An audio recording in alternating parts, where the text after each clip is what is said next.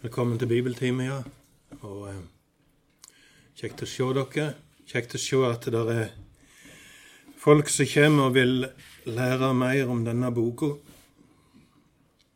Um, jeg eh, åpna henne igjen i dag og prøvde å lese gjennom, og det er, det er ei begredelig bok.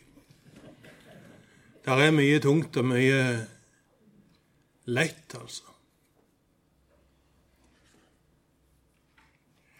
Um, og det handler om at uh, det er en profet som er nødt til å stå og forkynne dom.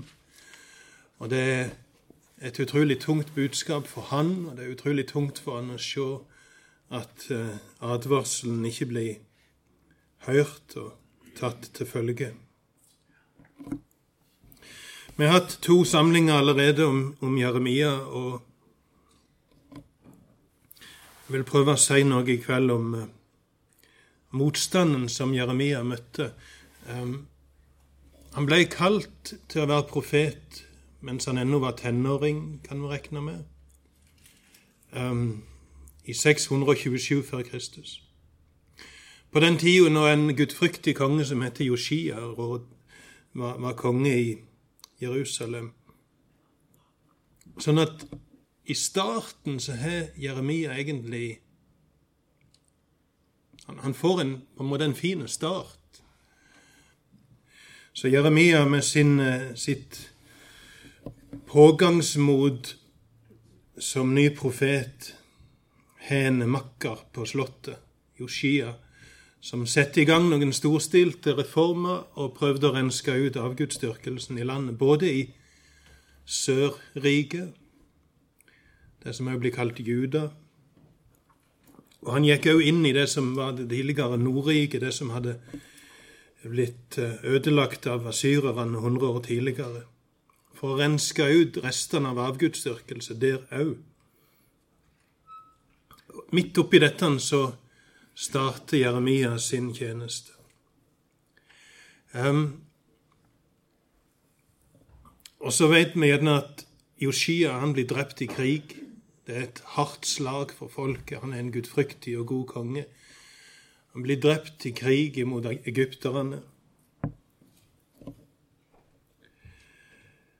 Og så har jeg òg nevnt at Jeremia blir kalt til å være profet i det året den siste sterke kongen i Asyria dør.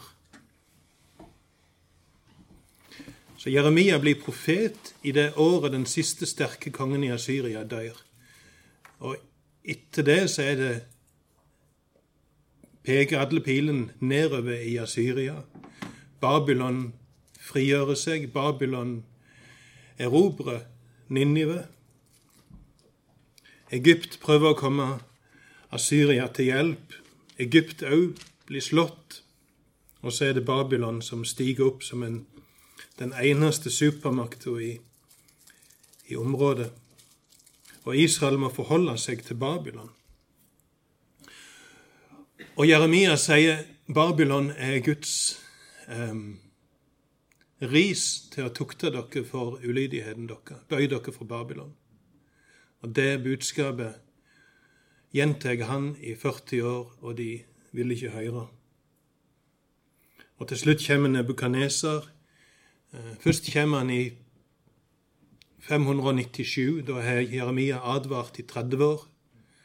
Og Nebukadneser kommer og, og vinner ved Jerusalem, bortfører en del folk. Så går det ti år til. Jeremia fortsetter å advare folket. Um, I 597 har de knytta seg i en, en pakt med Nebukadneser lovt å være lojal imot han, men de bryter pakten. Og det finner han seg ikke i, så han kommer tilbake og ødelegger byen fullstendig i 587. Da har Jeremia virka som profet i 40 år. Nebukaneser setter en gudfryktig mann som heter Gedalia, til å være guvernør over Juda. Og Der er noen lysglimt der. Han er en gudfryktig mann. Han kommer fra en familie. Han er barnebarn til en som heter Sjafan. Sjafan sin familie er noen av de eneste støttespillerne Jeremia har hatt. Og nå står Gedalia som guvernør. Folk begynner å komme tilbake igjen. Folk som har søkt tilflukt i naboland, begynner å komme tilbake. Folket begynner å reise seg i knestående, og så kommer det en som heter Ismael av kongeslekta, og dreper Gedalia. Så en israelitt som dreper denne her gudfryktige, gode guvernøren, som ga ei, ei, ei, ei stripe med, med, lys, eller et, et lite håp om, om framgang igjen i Israel. Blir drept, han blir massakrert, fullt av folk som, som eh, står Gedalia nær, blir også drept. En, en, en, flokk med, med, med, en flokk med fredelige folk som kommer for å kondolere overfor Gedalja med at Jerusalem er falt. De blir massakrert. Det er noen helt meningsløse ugjerninger. Noe av det usleste som fins i hele Bibelen. Et, og det skjer akkurat når folk er i, i ferd så vidt med å reise seg i knestående igjen etter at Jerusalem er blitt ødelagt. Og det som da er igjen av folket, bestemmer at de vil reise til Egypt. For kanskje kommer Nebukaneser og vil straffe dem nå når Gedalia er drept. Jeremia sier det må bli her. Men de har bestemt seg. De vil til Egypt.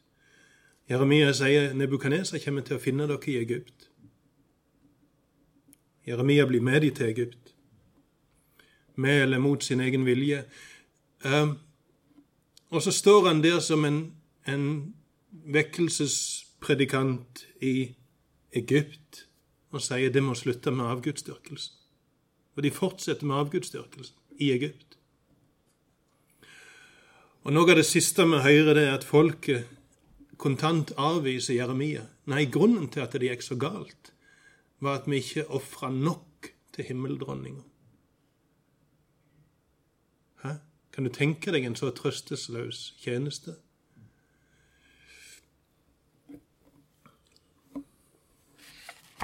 Så det er Jeremia sin profettjeneste. Han, er, han taler for døve øyre i 40 år og vel så det.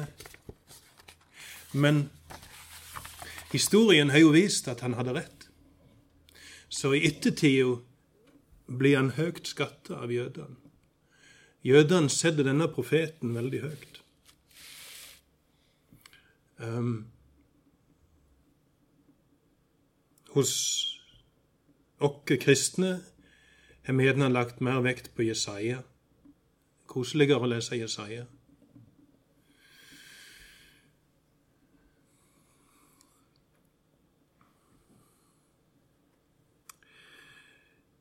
Det var ei tunge tid Jeremia virka i. Han hadde en tunge tjeneste, en lang og tung og trøstesløs tjeneste. Ikke trøstesløs, det er ikke rett å si. Han fikk trøyst. Men det var tungt.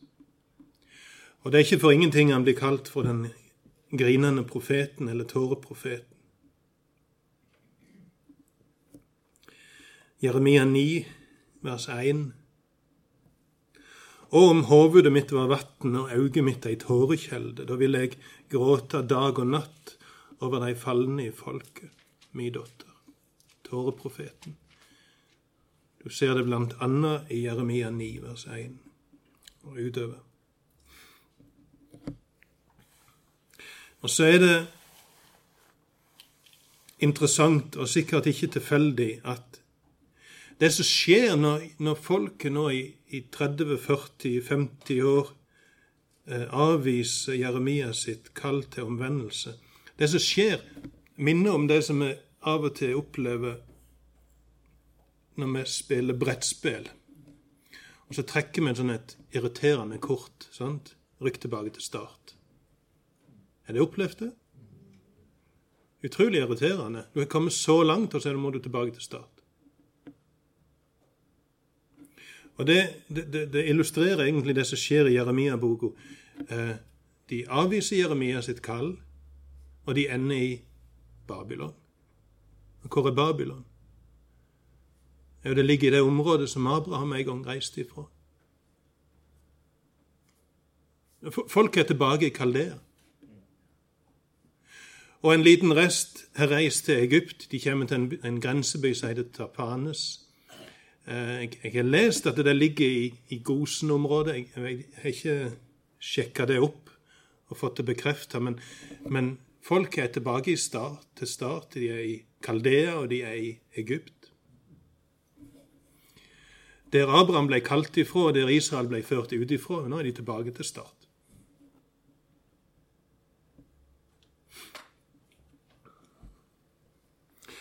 Um, men det er, to, er to sider av dette. Rykk tilbake til start. Det kan være irriterende. Eh, du, du mister alt, alt, all den progresjonen. Du, du må tilbake du, du, du begynner på null igjen. Men det å begynne på null er jo egentlig et privilegium òg, er det ikke?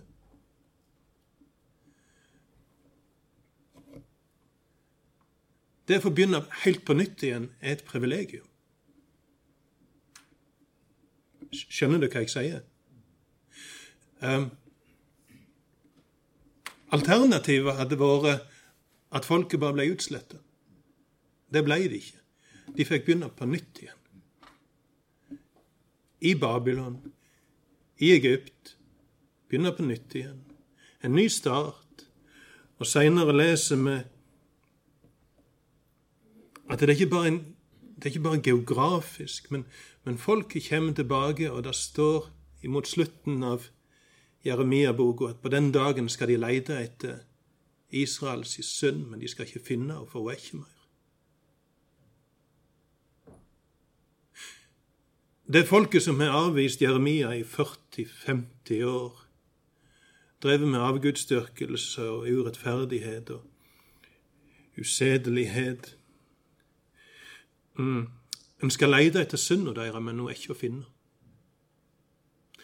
Eh, og, og, og, og dess, mer, dess mer overveldende vi kan Dess mer overveldende det kan virke, den, den der eh, stivnakka avvisninga av Jeremia sitt kall, dess mer stivnakka og fælt det kan virke, dess mer overveldende blir det òg at synda vil bli utsletta.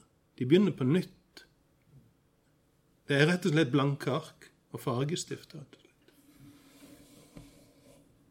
Rykk tilbake til start. Det er et evangelium.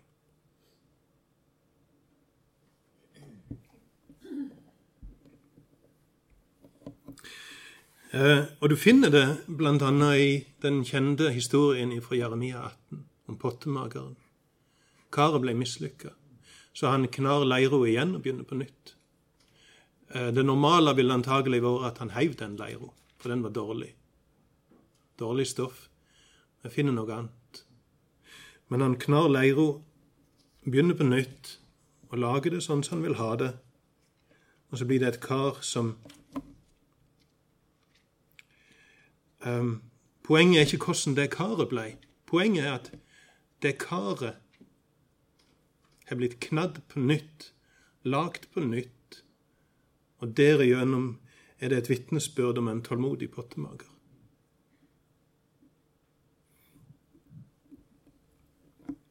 Når jeg ikke leser den historien før, så jeg vært opptatt av hvordan, hvordan ble det karet egentlig. Men jeg, jeg skjønte etter hvert at poenget er ikke hvordan karet blir hovedfokuset på pottemageren. Med en tålmodig pottemager som lar dere begynne på nytt igjen. Um, det er seks ord i Jeremias sin kallsberetning som utdyper innholdet i tjenesten hans. Du finner det i kapittel 1, vers 10. Han blir sett til å rykke opp og rive ned. Til å ødelegge og knuse, og til å plante og bygge. Det er seks verb. Fire av de er negative eller destruktive. To av de er byggende eller positive. Rykke opp og rive ned. Ødelegge og knuse. Plante og bygge. Det er mye dom, og det, det, det, det svarer til innholdet i boka. Det er mye dom. Mye advarsel. Eh, men, men dommen er ikke det eneste ordet, og dommen er heller ikke det siste ordet i denne boka. Det siste ordet er nåde. Du ser det ved at eh, boka slutter med at kong eh, Jojakin, som hadde blitt bortført av Nebukaneser, han uh, etter å ha sittet i fengsel i 37 år, så blir han sett fri og får en plass ved kongens bord i Babylon. Så det siste ordet er, er håp. Og vi vet at dette eksilet skulle bare vare i 70 år. Så dommen er ikke det eneste ordet, og heller ikke det siste ordet. Uh, når vi ser på Jeremia sin forkynnelse, så ser vi at det er mye dom. Um, og han advarer imot avgudsdyrkelse.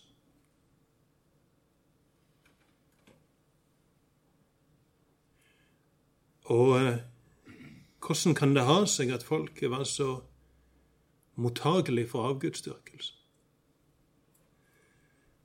Det kan ha sammenheng med Hmm. Med forskjellige ting. De ble påvirka av de de hadde rundt seg. De flytta inn i et land der kanonerene bodde, der de hadde sine skikker og tradisjoner i forbindelse med jordbruk og høst og, og sånne ting. Jeg kan tenke meg at når da jødene kommer inn og skal drive jordbruk i det området, så er det fort gjort å bli påvirka av skikker og tradisjoner. Du må ofre til Bal hvis du skal så. Og så gjør de det for å være på sikra sida, kanskje. En annen ting er at Israel ser til nabofolkene. De føler seg svake, og så ser de til nabofolkene, og så ser de et sterkt nabofolk. Og så vil de knytte allianse med nabofolket. Og Hvis nabofolket er så sterkt, så må det bety at de har en sterke Gud. Og så begynner de å tilbe den guden. Så politisk og religiøst henger veldig i hop her. Og moralen henger i hop med det igjen. Så politisk, religiøst, moral Alt dette henger veldig nøye i hop. De knytter disse alliansene. De tilber nabofolkene sine guder i et håp om å få bli like sterke og seierrike som deg. Og i um, folk, folk blir påvirka av de gudene som de ber til. Og avgudsdyrkelsen på den tida, det det var dyrking av av, av gudeskikkelser som sjøl eh, eh, bedreiv usedelighet. Det er en helt fremmed tanke for oss, kanskje, men, men, men gudeskikkelser som bedreiv incest og, og på en måte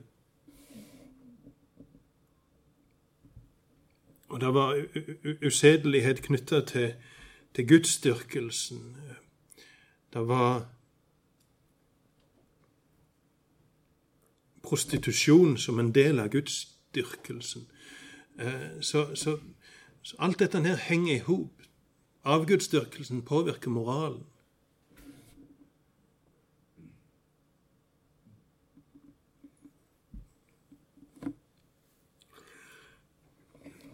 Og det påvirker ikke bare sedelighet, men også forholdet til til andre mennesker. Um, Troa på Gud i jødedom og kristendom har ført til respekt for mennesket. Respekt for de svake. Og der troa på Gud svekkes, der svekkes også respekten for de svake. Så du ser eh, noe av det som Jeremia advarer imot. Det er, det er avgudsdyrkelse. Det er urettferdighet. Det er hensynsløs framferd imot slaver.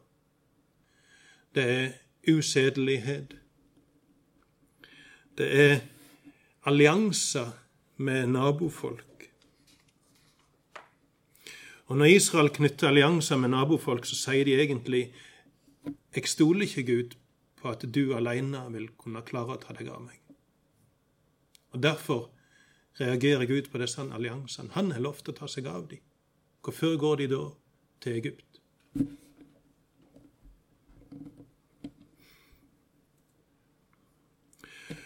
Og Denne avgudsdyrkelsen blir sammenligna med eh, ekteskapsbrudd eller hor. Eh, for det er en pakt. Gud har gjort en pakt med folk. Og på samme måte som en, en, en mann på den tida, når han gifta seg, så tok han på seg ansvar for familien. Forsørgeransvar. Og òg et ansvar for å beskytte familien sin. På samme måte vil Gud teie på seg et ansvar for sitt folk når han er knytta en pakt med dem. Og når de går til andre for beskyttelse, så er det et brudd med pakten. Det er en, et uttrykk for mistillit. Jeg stoler, ikke du, jeg stoler ikke på at du vil ta deg av meg.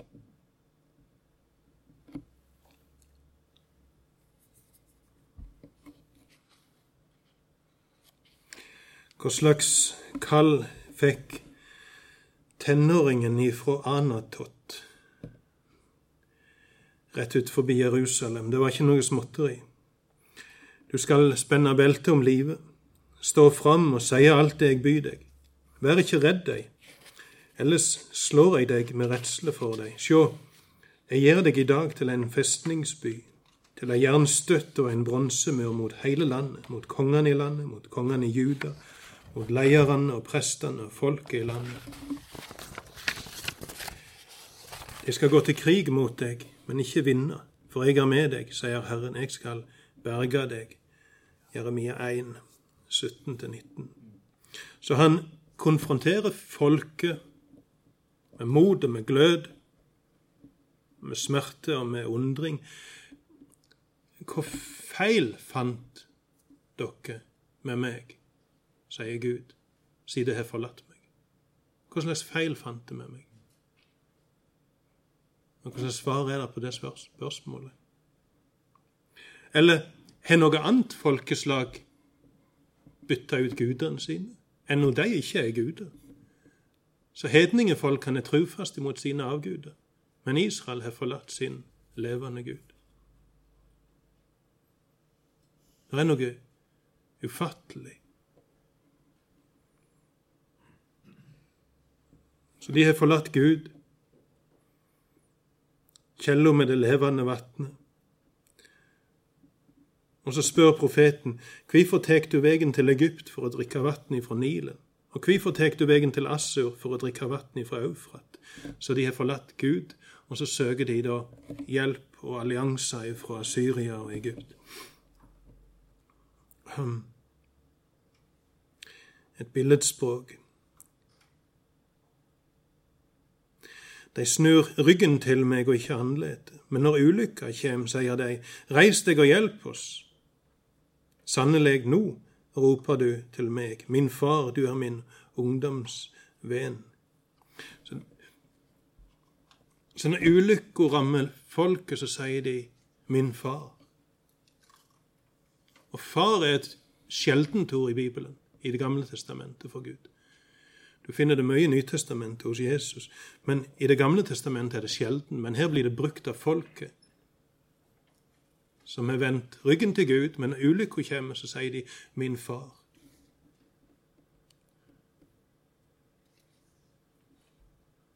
Merker du at det høres kleint ut?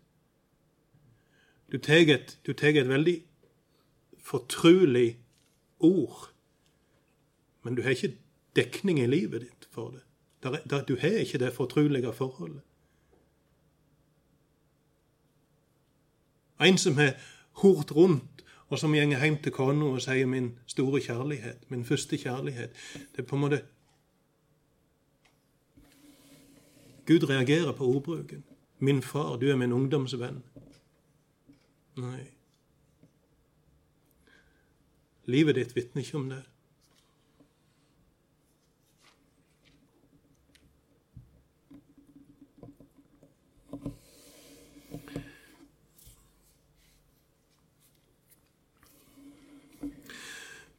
Jeremia han konfronterer folket, han konfronterer kongene.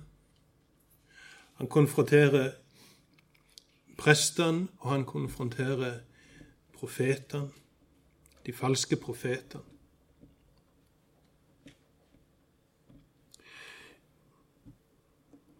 Forferdelige og gruelige ting skjer i landet. Profetene spår løgn, prestene styrer etter deres råd, og folket mitt vil gjerne ha det slik.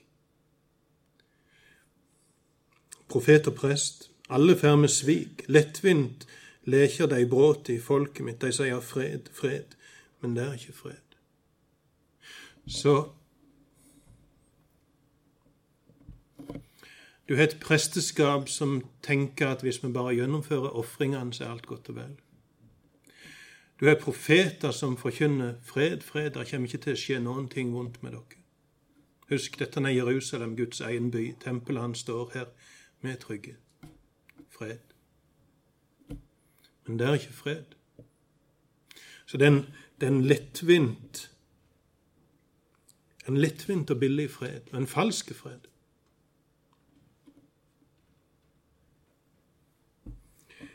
Mm. Og Når vi leser om denne falske, billige, lettvinte freden de forkynner, så kan det være vel å merke seg at Jesus helste en gang disiplene sine med fred. Fred være med dere. Husker dere når han sa det? Etter oppstandelsen. Jeg, jeg veit ikke om Jesus noen gang sa det før det. Men han kommer rett ifra grava, og så forkynner han 'Fred være med dere'. Nå kan han si det. Nå er han dødd på korset, sont synda, tatt straffa, vunnet ved døden, og så kan han gå disiplene i møte og si 'Fred være med dere'. Det var ikke en billig fred. Det var ikke en lettvint fred. Og det var ikke en falske fred. Den var helt ekte, dyrt kjøpt og holdbar. Mens profetene på Jeremias i tid de sier fred. Selvfølgelig vil ingenting vondt skje dere.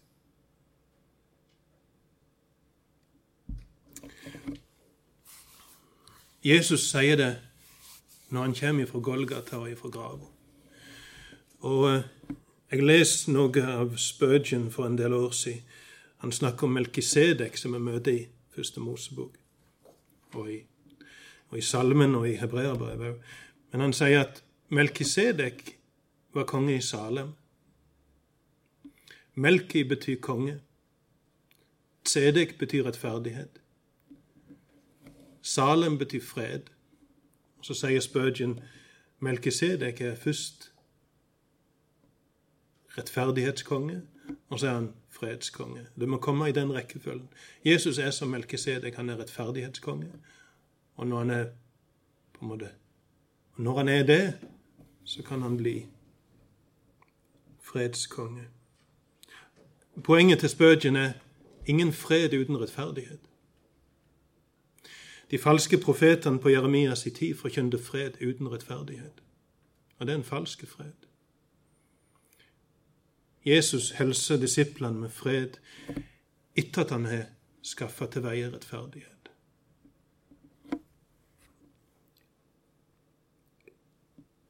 Grunnen til at prestene og profetene forkynner denne freden, det er at de tror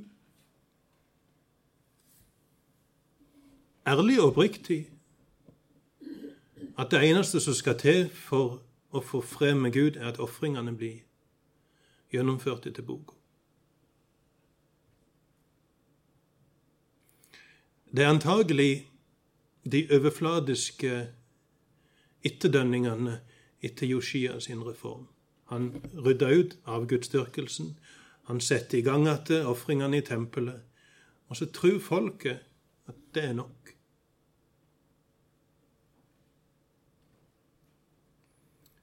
Gud hadde jo innstifta disse ofringene.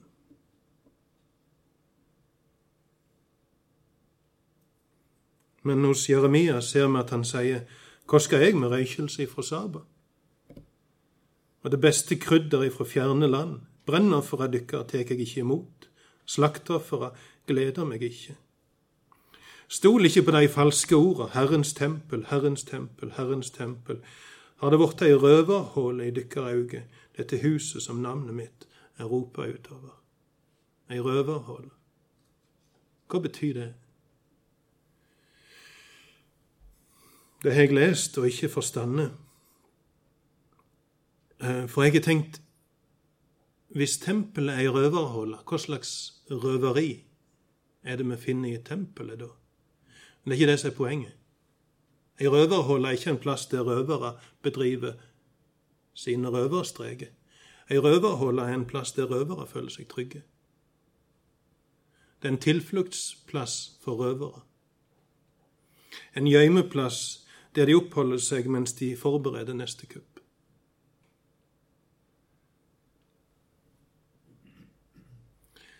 Er det blitt ei røverhål, dette tempelet? Og det han egentlig sier, det er at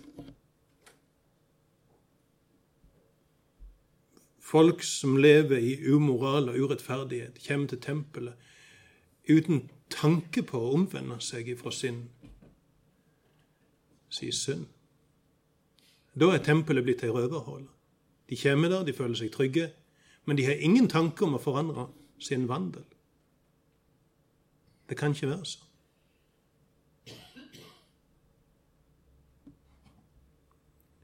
Tempelet er en tilfluktsplass for syndere. Men det ligger i kortene at den synderen må ha et ønske om å ta et oppgjør med synda si.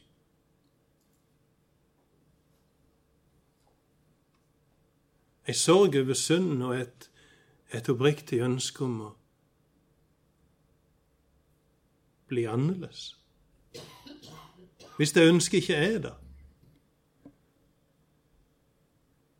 hvis det ikke er antydning til sorg, om du sitter der og planlegger neste kupp, da er det noe galt. Men Da er tempelet blitt ei røverhule. En plass der synderen føler seg trygg og tanken på omvendelse er helt fraværende.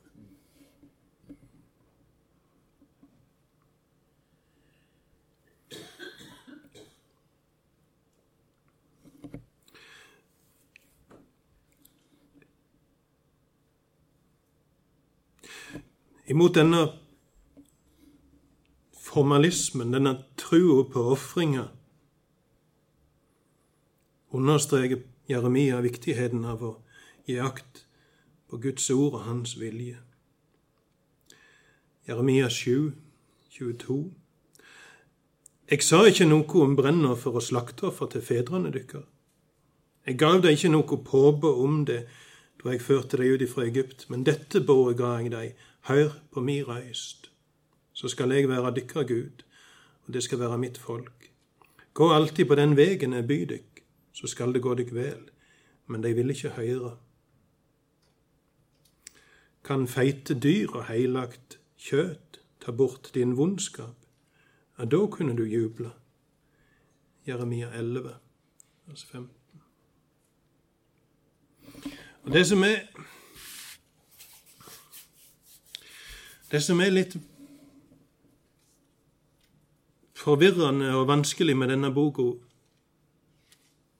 er at det er Gud som har innstifta disse ofringene. Samtidig sier han at han har ikke noe behag i dem.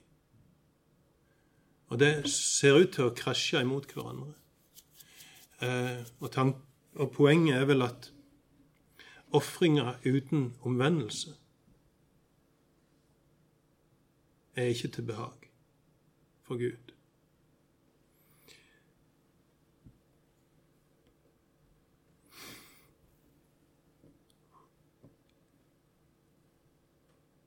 Og eh,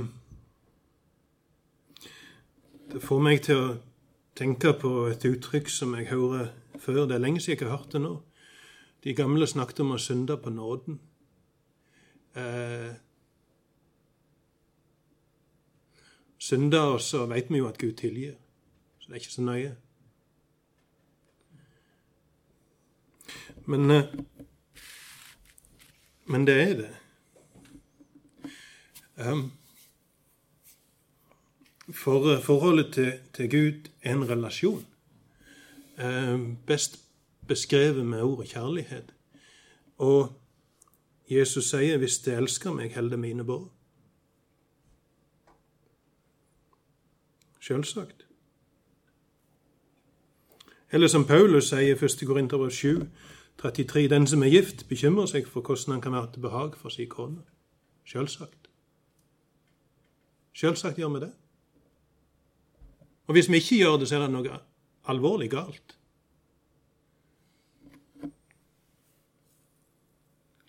Hvis det er en mann som ikke, ikke bryr seg fem øre om, om hva kona hans tenker og føler og ønsker, så kan den kona med full rett si 'Jeg ser du elsker meg ikke'.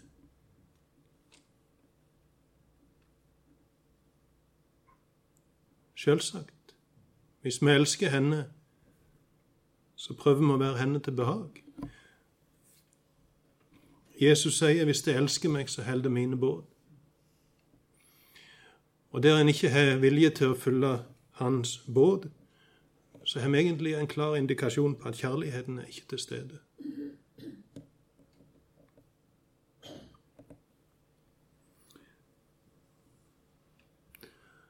Jesu ord til kirka i Efesus. Dette har jeg imot deg, du har gitt opp din første kjærleik. Eller Jeremia 2. Jeg kommer i hug din ungdoms truskap, din kjærleik som bror. Det er på en måte et, et knust Guds knuste hjerte som minnes den tida når du elsker meg Det er sårt.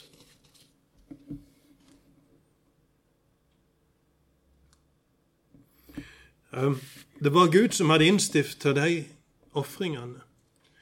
Og det som er spesielt, er at nå lever vi i ei tid der det er mennesker som tenker at så lenge vi går til nattvær og er døypt, så er alt godt og vel. Ingenting galt kan skje oss da. Vi har oppfylt alle nødvendige forpliktelser. Og det er, Gud, det er Jesus sjøl som er innstifta både dåpen og nattverden. Men vi gjør nok vel i å ransake oss sjøl, vi ikke havner i den grøfta som jødene på Jeremias i tid havna i, da de stolte så blindt på disse ordningene som Gud hadde innført og innstifta, at de tenkte at de med full trygghet kunne vende ryggen til det han hadde sagt. Vi kan ikke det. Når vi gjør det, så bare viser vi at vi ikke elsker.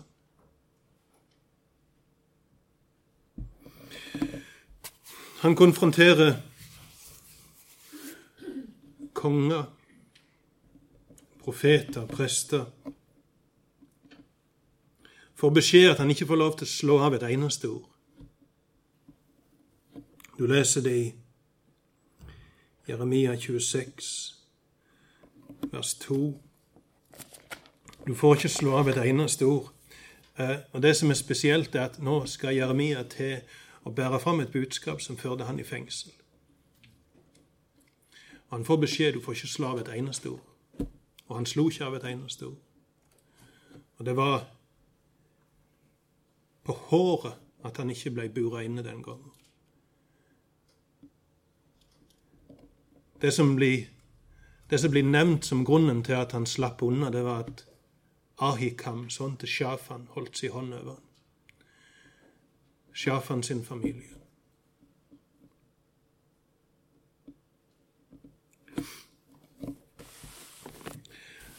Han, eh, han blir anklaga for å være upatriotisk når han eh, oppfordrer folket til å gå ut og bøye seg for Babylon. Når hæren fra Babylon er kommet for å ta Jerusalem, så sier han gå ut og bøy dere for kongen fra Babylon. Og han blir arrestert fordi at han svekker motet og innsatsviljen til soldatene. Han blir kasta i en brønn der han nesten mister livet. Han blir berga av en fremmed, en etiopier, som blir kalt Ebed Melek. Han eh, virker under hovedsakelig tre konger. Det er den gudfryktige Joshia, den onde Jojakim og den svake Sidkia. Jojakim, den onde, um, som steilt avviser Guds ord. Og I kapittel 36 så leser vi når Jeremia skriver, skriver ned, eller han dikterer, og Baruk skriver det ned alt det som er, alle de åpenbaringene som Jeremia har kommet med i, i alle årene som har gått. Og Til slutt så ender den bokrullen inne i rommet der kongen sitter i hans tronsal. Og når kongen har hørt det, så skjærer han av spalte for spalte. Etter hvert som han hører det, så hiver han det på ellen. Han brenner opp Guds ord. Det vil si, han brenner opp rollen, men Guds ord kan ikke stoppes så enkelt. Så Jeremia Baruk setter seg ned og skriver det en gang til. Um, og ordet det bestod, men Jojakim vet vi ikke hva det ble av. Betegnende nok.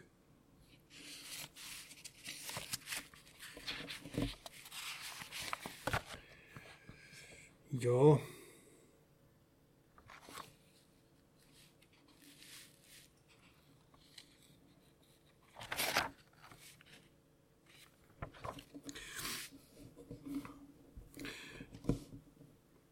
I Jeremia kapittel 22, vers 8-9, finner vi noe som kan stå som en, en konklusjon på hendelsene i, i hele boka. Mange folkeslag skal dra forbi byen, altså Jerusalem. Jeremia 22, vers 8-9.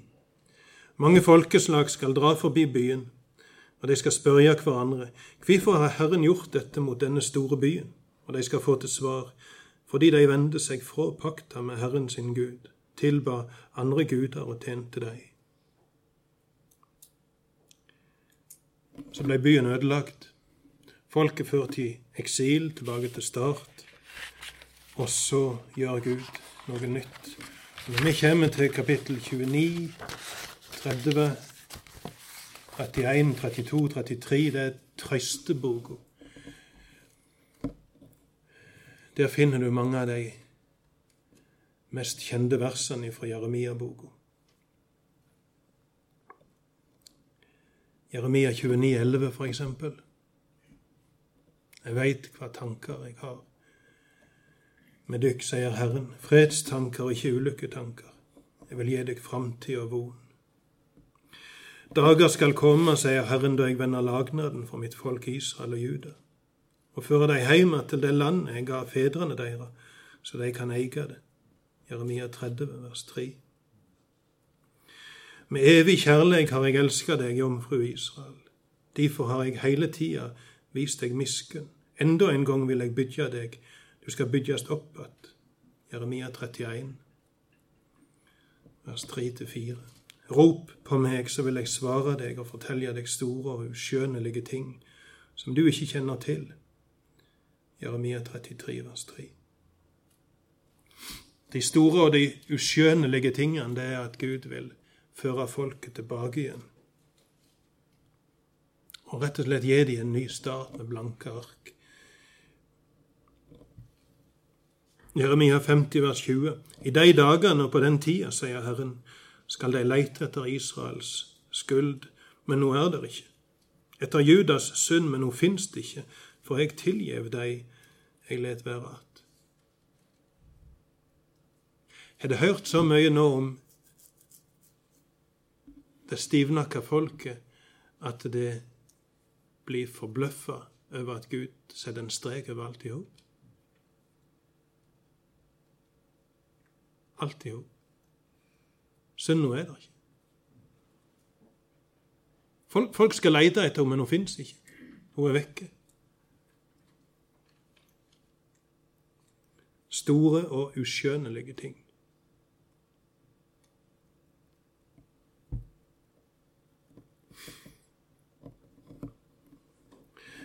Og det vi ser, er at profet etter profet etter profet advarer mot avgudsdyrkelsen.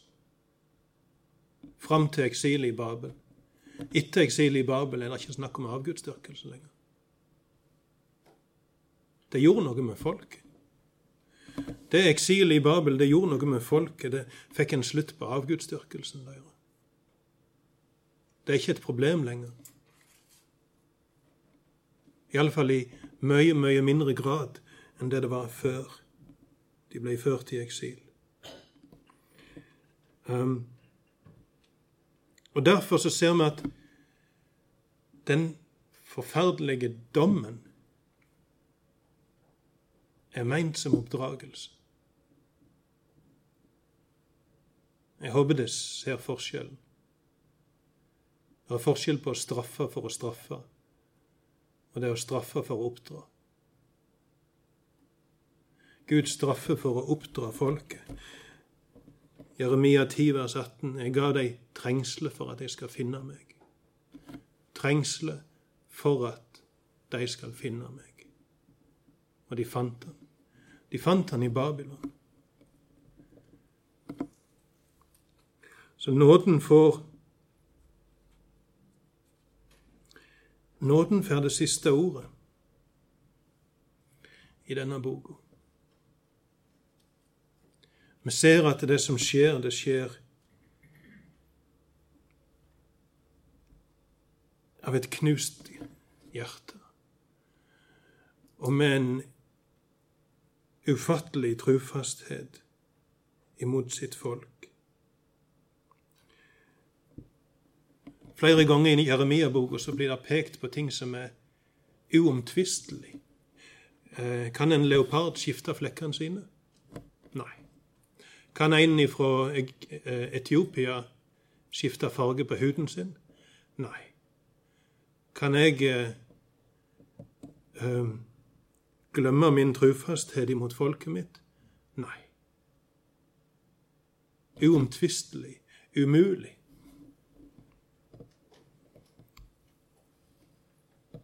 Så sier Herren, om himmelen der oppe kan måles, kan himmelen måles?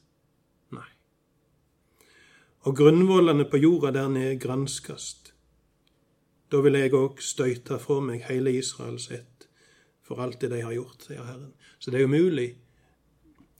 Det er like umulig å måle himmelen som å utforske jordens grunnvoller, og som at Gud skal støyte ifra seg sitt folk på grunn av det de har gjort. Så han forblir trufast imot de sjøl når han straffer de. Gi de trengsler for at de skal finne meg. Jeg nevnte i stad at uh, historien har bevist at Jeremia hadde rett. Og Det gjør at han blir høyt skatta av jødene. Og Så fikk jeg et spørsmål her sist. Hvis, hvis det er sånn at det at en profet sier noen ting, og det går i oppfyllelse, på en måte beviser at han er en ekte profet, hvordan kan da folk i profetens samtid skjelne mellom de falske og de ekte? Det er et veldig viktig spørsmål. Det er et veldig godt spørsmål. Hvis en falsk profet står og sier én ting, og en ekte profet står og sier én ting, og det tar ti år før den eventuelle oppfyllelsen kommer, hvordan kan jeg vite her og nå hvem som er ekte, og hvem som er falsk? Jeg kan det. Og Jeremia-boka gir oss noen verktøy for det. Eh, det er sant at de falske profetene sine spådommer gikk ikke i oppfyllelse. Og det er sant at Jeremia sine gikk i oppfyllelse. Eh, men ankepunktet mot de falske profetene er ikke bare at de spår falskt, men at de lever umoralsk. Jeremia konfronterer to profeter som, som, virker i Babylon, blant de som er bortført, og som driver hor, driver hor med hverandre sine koner.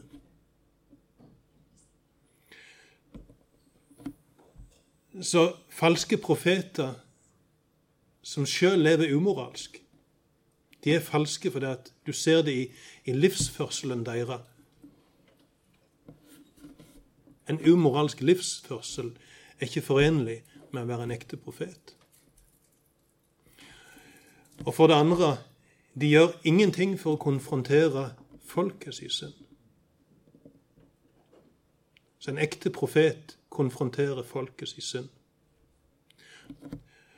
Og påpeker brudd med det som står i Bibelen. Jødene de hadde Moseloven.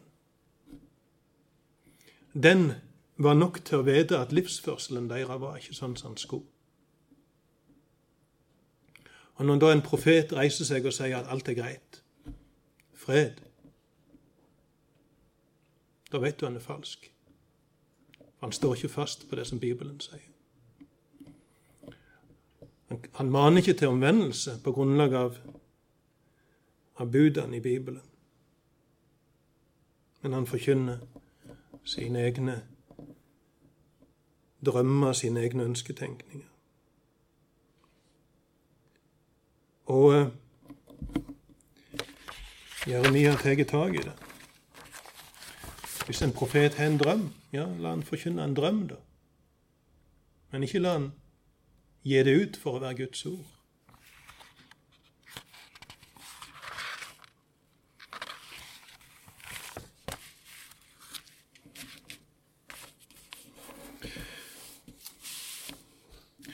Så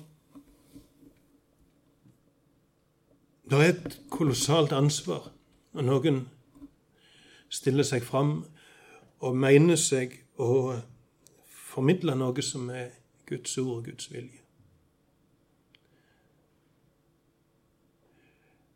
Men det er òg et stort ansvar å sitte og høre på noen som gjør det. For de som hører på, har et, et ansvar for å skjelne mellom de falske og de ekte. De som hører på, de skal kjenne så mye til Guds ord at de kan skjelne mellom de falske og de ekte profetene, og skal ta avstand fra de falske. Konfrontere de og avvise de.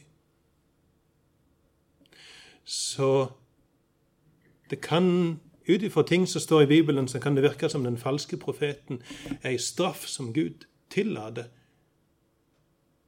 og sende til et ulydig folk. At det begynner ikke med den falske profeten, men det begynner med et ulydig folk. Og Gud tillater en falske profet som fører de enda videre ut på vidden. Og så er det litt sånn som med høna og egget. Hva er det som kommer først? Det virker som det ulydige folket er det som kommer først. Og når folket er ulydig, så finner de seg lærere og profeter som sier ting som klør i øret på dem. Så hvor ligger ansvaret? Både hos den som sier 'så sier Herren', og hos folket som sitter og hører på.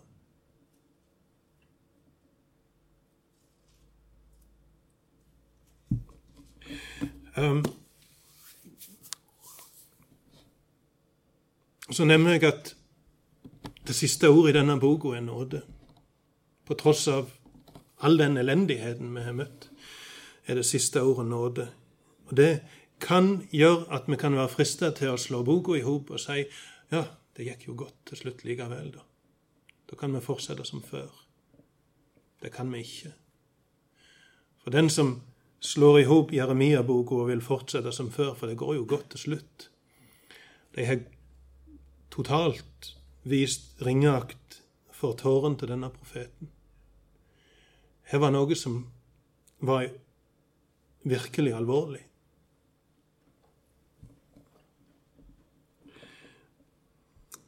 Til dette folket skal du seie, så sier Herren, sjå jeg legg framfor dykk vegen til livet og vegen til døden.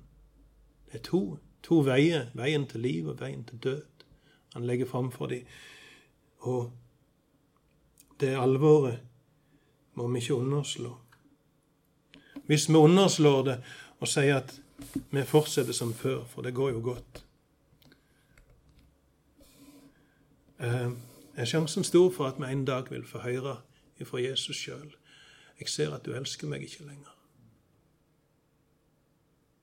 Det er en alvorlig ting å få høre.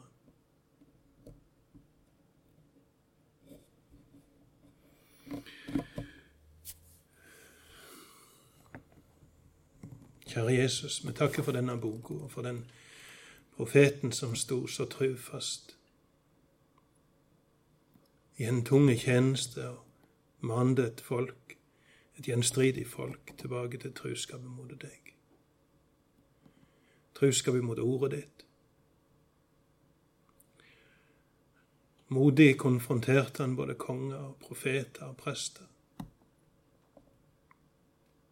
Og sto mer eller mindre alene. Og Jesus, vi ber om at du må kalle oss og våre folk tilbake til truskap imot deg og ditt ord. Og så takker vi deg for at du har en så ufattelig trufasthet imot, imot mennesker, imot det folket som du hadde knytta deg til at alt det som skjedde, skulle tjene til å føre de tilbake til deg. Jeg ber om at det kan være sånn med oss òg og med våre folk.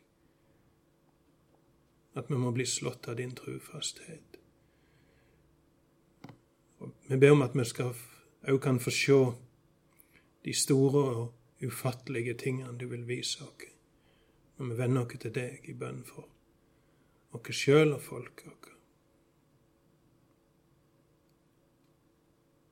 Bevar oss, Jesus, ifra, ifra ei usunn tru på seremonier. Bevar oss ifra ei, en lettvint, et lettvint fredsbudskap uten rettferdighet. Um, bevar oss ifra et liv uten omvendelse. Før oss inn i kjærlighet til deg og i truskap til ditt ord, og i et, en nød etter å få leve sånn som du vil, Jesus. Amen.